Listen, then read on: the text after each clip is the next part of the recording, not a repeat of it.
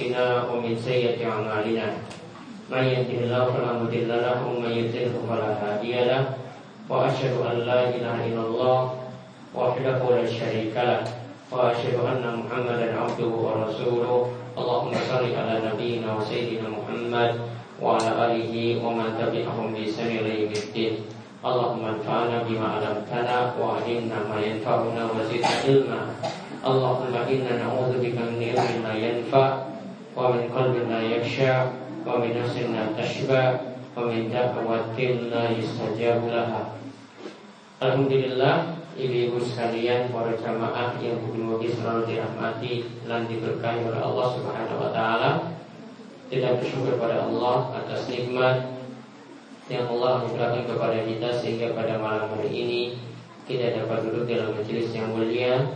Mudah-mudahan Allah memberikan kita ilmu yang bermanfaat, menjauhkan kita dari ilmu yang tidak bermanfaat, memberikan kita hati yang khusyuk dan hati yang selalu merasa puas terhadap nikmat yang Allah berikan dan mungkin Allah senantiasa pula memperkenankan setiap doa-doa yang kita panjatkan kepada Allah Subhanahu wa taala.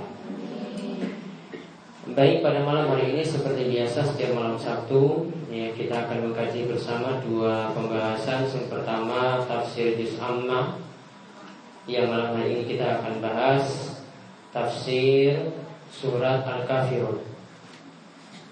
Kemudian yang kedua nanti insya Allah kita bahas tentang pembahasan fikih sunnah Sahih fikih sunnah untuk wanita di mana kita akan membahas lanjutan pembahasan mengusap sepatu dan nanti juga akan dibahas tentang masalah bagaimana apakah dibolehkan mengusap jilbab dan nanti kita akan singgung sedikit tentang masalah mandi.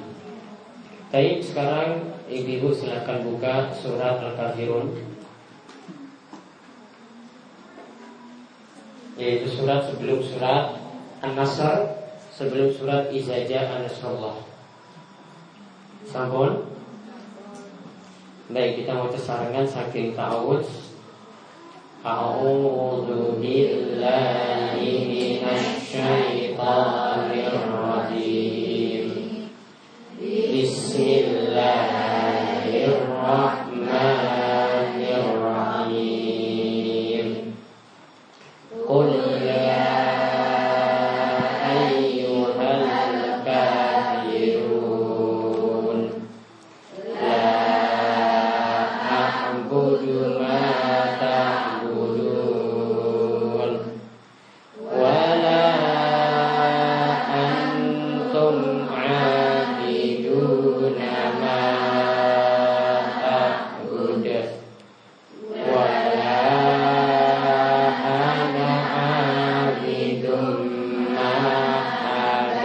Tum,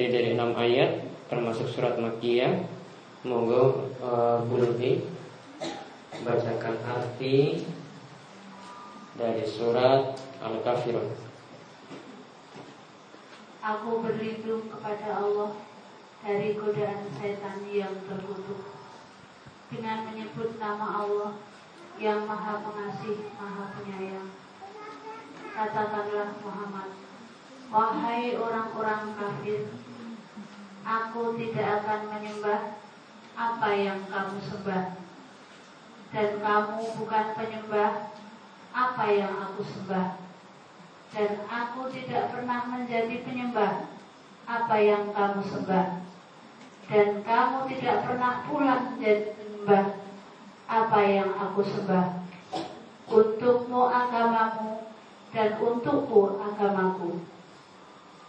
Baik. Baik, eh, ibu sekalian kita melanjutkan tafsir surat Al-Kafirun. Ini adalah surat keenam yang kita bahas. Yang pertama An-Nas, yang kedua surat Al-Falaq, yang ketiga surat Al-Ikhlas, empat surat Al-Lahab, lima surat An-Nasr, yang keenam surat Al-Kafirun. Taib, uh, terlebih dahulu saya ceritakan tentang kebiasaan Nabi Shallallahu Alaihi Wasallam membaca surat Al-Kafirun. Biasa beliau menggandengkannya dengan surat Al-Ikhlas. Biasa Nabi SAW itu menggandengkannya dengan surat Al-Ikhlas.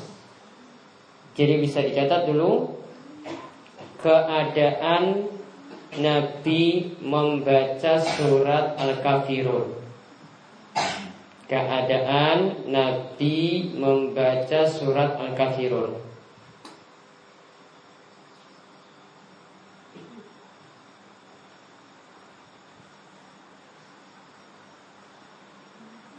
keadaan Nabi membaca surat Al-Kafirun.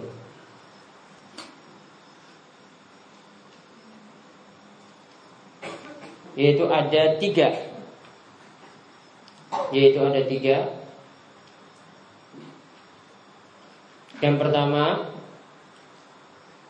Saat Sholat Dua rakaat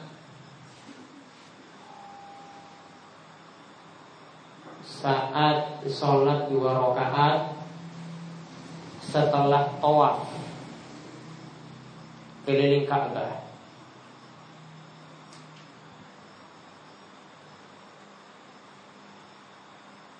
Sholat dua rakaat setelah tawaf keliling Ka'bah. Dalam hadis disebutkan dari Jabir radhiyallahu anhu ia mengatakan karena yaqra'u fi rak'atain qul huwallahu ahad wa qul ya ayyuhal kafirun. Yaitu Nabi SAW itu membaca ketika melaksanakan sholat dua rakaat tawaf setelah tawaf yaitu pada rakaat pertama baca surat al-kafirun, rakaat kedua baca surat al-ikhlas. Kemudian yang kedua, keadaan yang kedua adalah saat sholat qobliyah subuh.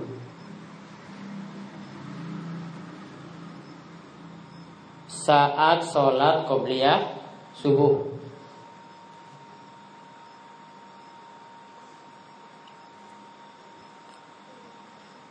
Yaitu salat sunnah fajar. Di sini juga dikatakan dari Abu Hurairah, ia berkata, Anda Rasulullah SAW qara'a fi rak'atayil fajri Qul ya ayyuhal kafirun wa qul huwallahu ahad.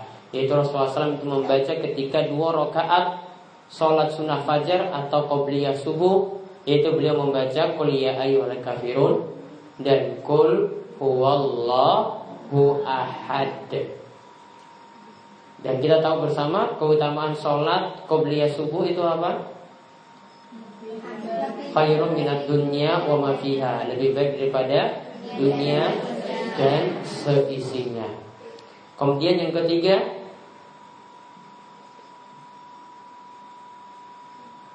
Saat sholat Dua rakaat setelah maghrib Saat Sholat dua rakaat Setelah Atau ba'diyah Maghrib.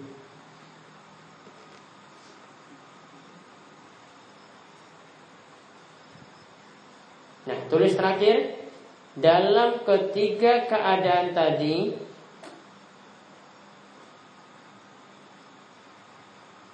surat Al-Kafirun dibaca dengan surat Al-Ikhlas.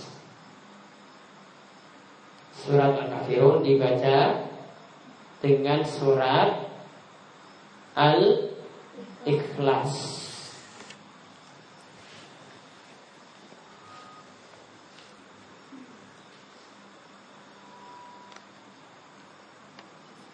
Yaitu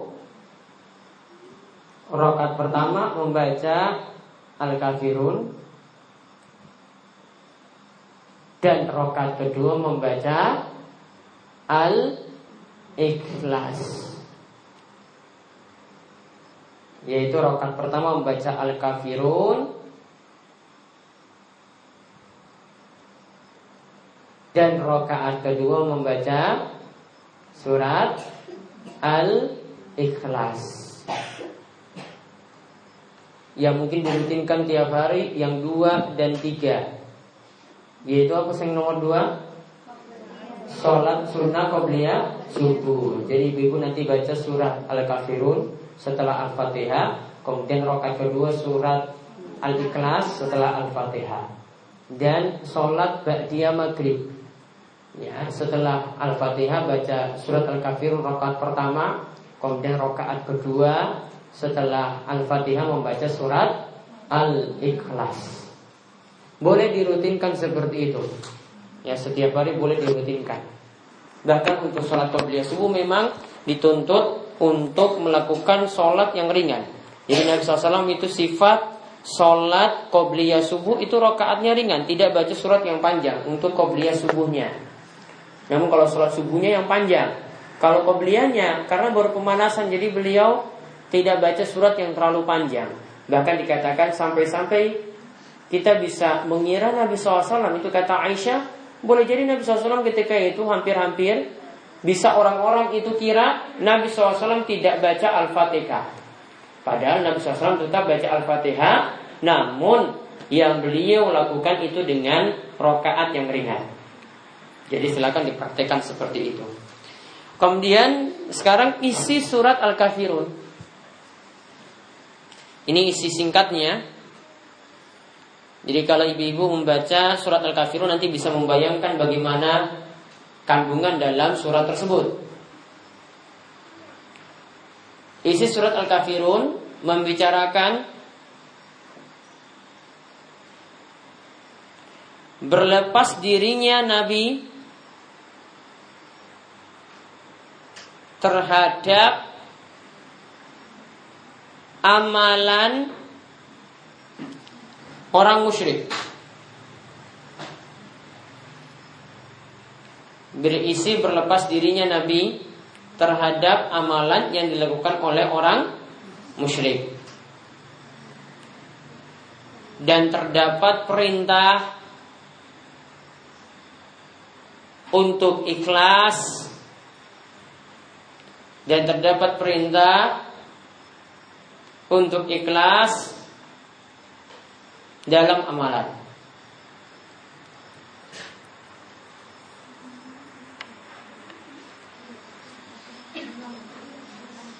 Ya, saya ulang isinya.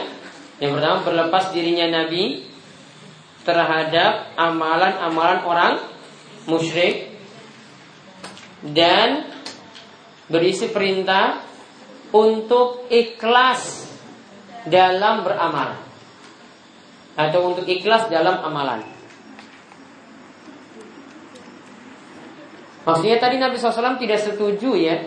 Saya jelaskan Ini Nabi SAW tidak setuju dengan Apa yang dilakukan oleh orang-orang musyrik Di masa Nabi SAW Mereka mendatangi kubur berdoa Meminta pada kubur Ya pada wali yang sudah mati dijadikan tempat untuk tawasul dalam doa padahal lewat wali yang sudah mati mereka melakukan uh, sembelihan yang ditujukan pada kubur-kubur juga supaya ibadah-ibadah mereka itu dimudahkan permintaan mereka juga dimudahkan oleh ya apa yang mereka aturkan ketika itu Nah, jadi Nabi SAW tidak setuju dengan budaya orang-orang musyrik yang ada di masa beliau, maka turunlah surat Al-Kafirun ini. Nah kemudian sebab turunnya surat Al-Kafirun. Sebab turunnya surat Al-Kafirun.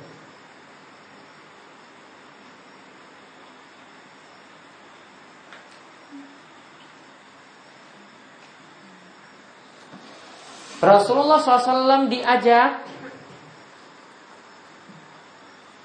oleh orang musyrik. Rasulullah Sallallahu Alaihi Wasallam diajak oleh orang musyrik. Untuk beribadah.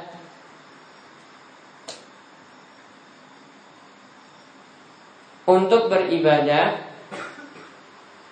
pada berhala orang musyrik selama setahun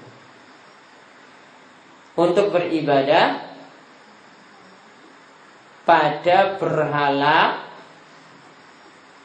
orang musyrik selama setahun. Titik. Kemudian Kemudian orang musyrik akan bergantian. Kemudian orang musyrik akan bergantian beribadah pada Allah selama setahun. Kemudian orang musyrik akan bergantian beribadah pada Allah selama setahun. Lalu turunlah ayat ini kuliah ayyul kafirun la a'budu ma ta'budun wa la antum abiduna ma a'bud wa la ana abidum ma abattum wa la antum abiduna ma a'bud lakum dinukum waliyadin. Turunlah ayat ini tidak boleh seperti itu. Walaupun orang musyrik nanti gantian jembah Allah, tidak boleh orang muslim itu menyembah berhala-berhala yang dimiliki oleh orang-orang musyrik. Turunlah surat Al-Kafirun tadi. Jadi intinya saya jelaskan eh, ini tidak saya jelaskan per ayatnya karena kita jelaskan secara umum langsung untuk seluruh ayat. Dikatakan kuliah ayuhal kafirun. Katakanlah wahai orang-orang kafir. La a'budu mata budun. Yaitu aku tidak menyembah apa yang kalian sembah. Yaitu Nabi SAW itu katakan aku yaitu Nabi Muhammad tidak menyembah apa yang orang musyrik sembah. Kemudian wala antum abiduna ma'abud. Dan kalian juga orang musyrik tidak harus juga menyembah apa yang aku sembah, yaitu menyembah Allah, tidak gantian menyembah seperti itu. Kemudian dibalik lagi diulang lagi wala ana abidum ma'abatum dan aku tidak menyembah apa yang kalian sembah Diulang lagi wala antum abiduna ma a'bud. Dan kalian wahai orang musyrik ya tidak menyembah apa yang aku sembah yaitu Allah.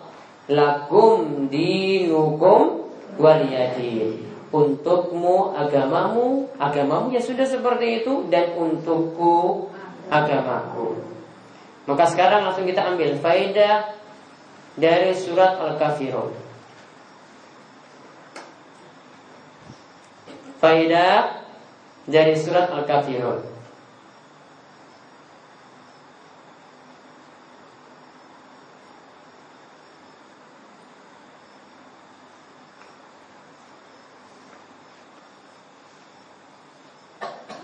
Yang pertama Wajibnya Seorang muslim berlepas diri. Wajibnya seorang muslim Berlepas diri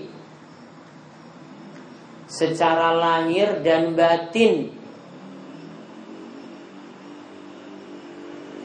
Secara lahir dan batin. Pada sesembahan orang musyrik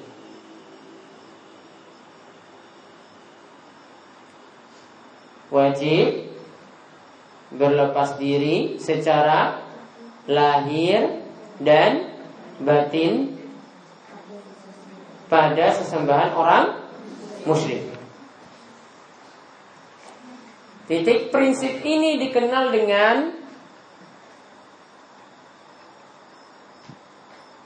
prinsip ini dikenal dengan wala dan barok. Prinsip ini dikenal dengan wala dan bara.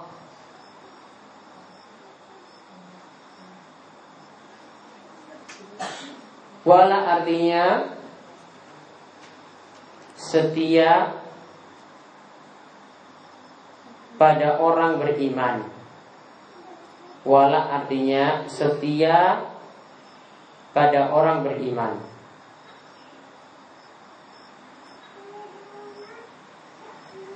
Barok artinya Barok artinya berlepas diri dari orang kafir.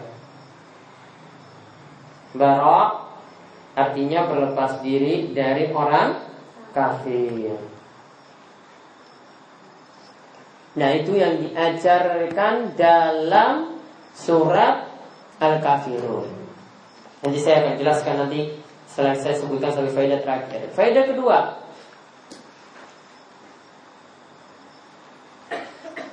orang beriman dan orang kafir tidak bisa disamakan. Orang beriman dan orang kafir tidak bisa disamakan.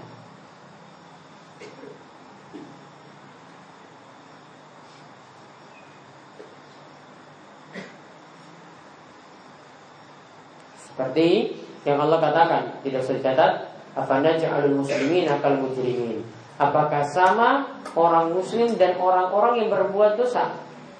Tentu tidak sama Orang muslim sendiri, orang yang berbuat dosa itu sendiri tidak mungkin sama antara orang yang beriman, orang yang taat ibadah dengan orang-orang kafir. Makanya dalam Islam itu menolak persamaan antara orang beriman dalam dan orang kafir. Namun kalau uh, suatu negara yang menganut sistem demokrasi, nah itu nanti akan menyamakan ada orang beriman dan orang kafir itu nilainya sama. Orang beriman dan para pelacur, orang yang rajin ke masjid dan para pelacur itu nilainya nanti sama. Orang beriman yang rajin sholat dengan penjudi itu nilainya sama. Ya, maka kalau mau nyoblos, coba kalau mau nyoblos, suara kita itu sama dengan orang yang biasa nyolong. Ya, suara kita itu nanti sama dengan orang yang jadi pelacur.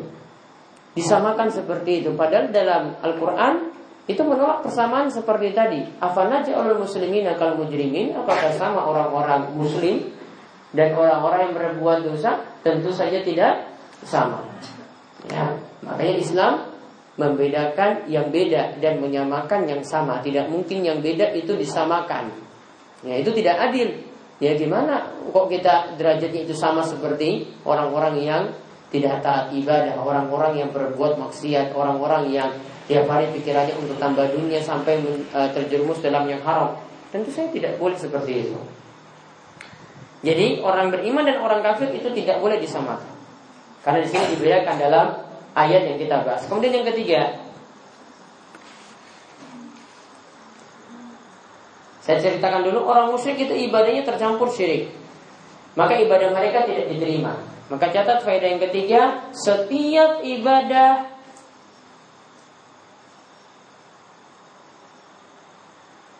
yang tercampur kesyirikan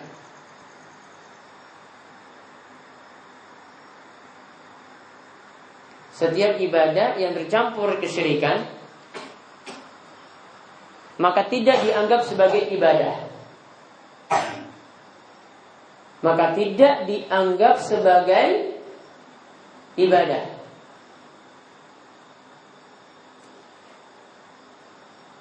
Dan amalannya tertolak. Dan amalannya tertolak.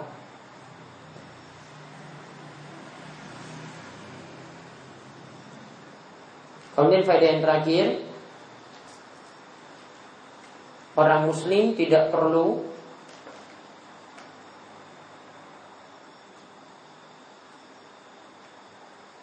membalas tingkah laku orang kafir. Orang muslim tidak perlu membalas tingkah laku orang kafir. Yang di mana bertentangan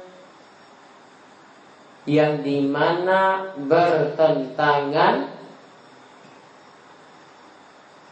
dengan prinsip seorang muslim.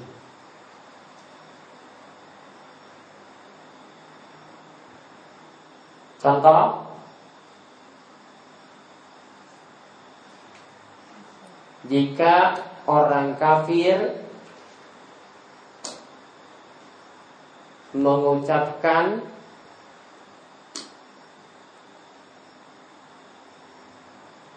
selamat Idul Fitri.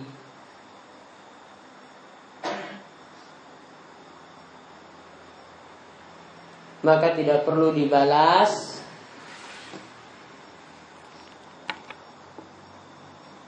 Maka tidak perlu dibalas. Dengan mengucapkan selamat Natal. Maka tidak perlu dibalas dengan mengucapkan selamat Natal.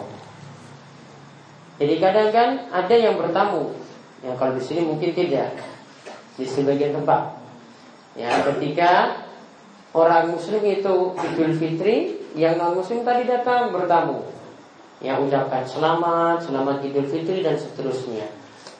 Maka itu bentuk buat baik dari mereka. Tidak perlu kita balas dengan ucapkan lagi kalau mereka Natalan kita ucapkan selamat Natal. Kenapa? Bertentangan dengan prinsip seorang muslim. Orang muslim tidak boleh seperti itu.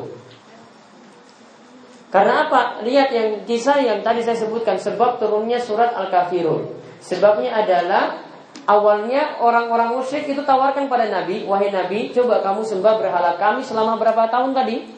Selama setahun. Kemudian gantian kan? Nanti setelah engkau nanti nyembah berhala kami, nanti kami akan nyembah Allah juga selama setahun. Turunlah ayat ini, tidak boleh itu dipenuhi walaupun nantinya orang musyrik nanti menyembah Allah selama setahun tidak boleh. Maka tingkah laku mereka yang baik tadi tidak perlu dibalas lagi dengan hal yang bertentangan dengan prinsip kita. Nah kemudian tambahkan masalah setia pada non muslim. Ya, tulis judulnya setia pada non muslim. Setia pada non muslim itu diharamkan. Setia, setia, setia. Gak pernah dengar yang namanya setia? Hmm? Setia pada non muslim itu di diharamkan. Titik. Ada bentuknya sampai kafir. Ada bentuknya sampai kafir.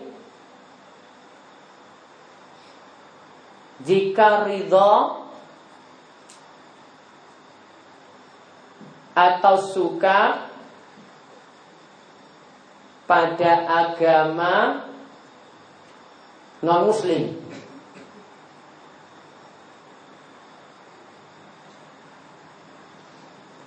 Saya contohkan saja misalnya Ya dia ridho, dia senang tinggal di negeri kafir. Anggapannya apa tinggal di negeri kafir ini? Karena agama orang kafir itu lebih baik daripada agama Islam. Maka kalau dia sampai ridho seperti itu berarti dia turut kafir juga Atau dia menjadi warga negara orang kafir Ya, dia menjadi warga negara di negara mana seperti itu Kemudian dia senang dengan agama orang kafir Makanya dia ingin jadi warga negara di situ Walaupun dia ngaku muslim Namun itu muslimnya cuma muslim KTP saja karena dia sudah suka atau ridho dengan agama orang kafir maka dia turut kafir. Titik dan ada juga setia pada non muslim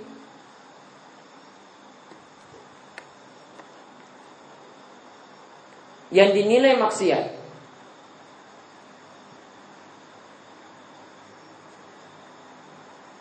Yang dinilai maksiat. seperti menyerupai gaya orang kafir.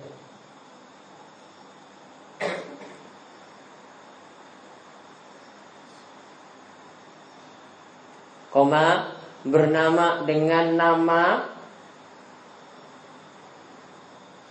orang kafir.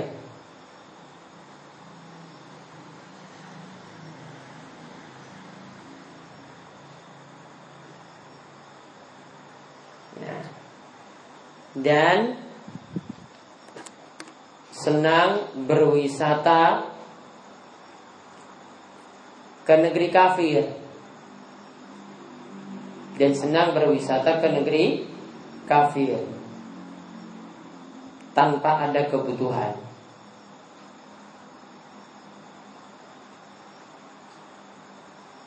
Nah, tadi saya contohkan apa tadi? Seperti menyerupai kayak orang kafir. Artinya yang ciri khas orang kafir ya, ciri khas orang kafir. Namun kalau dia pakai yang ini mungkin dari negeri kafir, namun ini bukan ciri khas lagi orang kafir. Contoh ibu-ibu misalnya pakai tas kan? Tas apa biasanya? Sophie Martin kan biasanya, ya kan? Pakai tas seperti itu. Ini taruhlah ini datang dari Eropa sana, ya, atau dari Amerika sana misalnya. Taruh datang dari sana. Orang yang pakai kan tidak mungkin kita katakan, wah, dia ini sudah murtad, Wah dia ini sudah kafir karena pakai tas seperti itu Kan tidak kita katakan seperti tadi Karena ini bukan lagi jadi ciri khas ya, Atau ada yang memakai model pakaian namun ini sudah jadi model pakaian di tengah-tengah kaum muslimin pula Bukan ciri khas orang kafir Maka tidak masalah Beda kalau dia pakai Misalnya dia pakai salib Ya, ini baru kita katakan dia itu bukan dia bukan muslim karena sudah pakai salib seperti itu. Ya, ini jelas. Kemudian tadi contohnya lagi apa? selain menyerupai orang kafir? Nah, memakai nama orang kafir. Anak dikasih nama misalnya Elizabeth. Anak dikasih nama uh, Muhammad Yohanes misalnya. Ya. Atau Muhammad John. Ada apa? Jos Louis. Ya pakai nama-nama seperti itu atau Muhammad Ronaldo nama sudah bagus depan Muhammad tapi belakangnya Ronaldo apa seperti ini jadinya jadi bukan bukan identik lagi dengan Muslim ya tapi namun juga orang-orang Muslim itu Ya kadang juga tidak senang dengan nama-nama Islam sendiri. Aisyah diganti nama dengan Ica. Ya Fatimah jadi apa? Ina. Itu Masya Allah Fatimah itu sudah bagus. Dirubah-rubah lagi namanya gitu. Muhammad jadi Mamat gitu ya. Nah jadi ada yang membuat kafir Ada yang cuma dinilai maksiat saja. Intinya kita harus punya sikap Ya tidak setia pada non muslim Dan ini sudah dibahas kemarin ya, Ketika kita bahas masalah Natal Ya ini nanti silahkan dilihat lagi Di buku kesekian pada non muslim dibaca itu nanti ada penjelasan tentang apa yang kita kaji saat ini. Insya Allah pembahasan ini nanti akan diulang lagi nanti kalau kita mendekati acara Natal baru nanti akan saya bedah lagi buku seperti itu. Yang demikian tafsir surat Al-Kafirun sekarang kita bahas masalah fikih.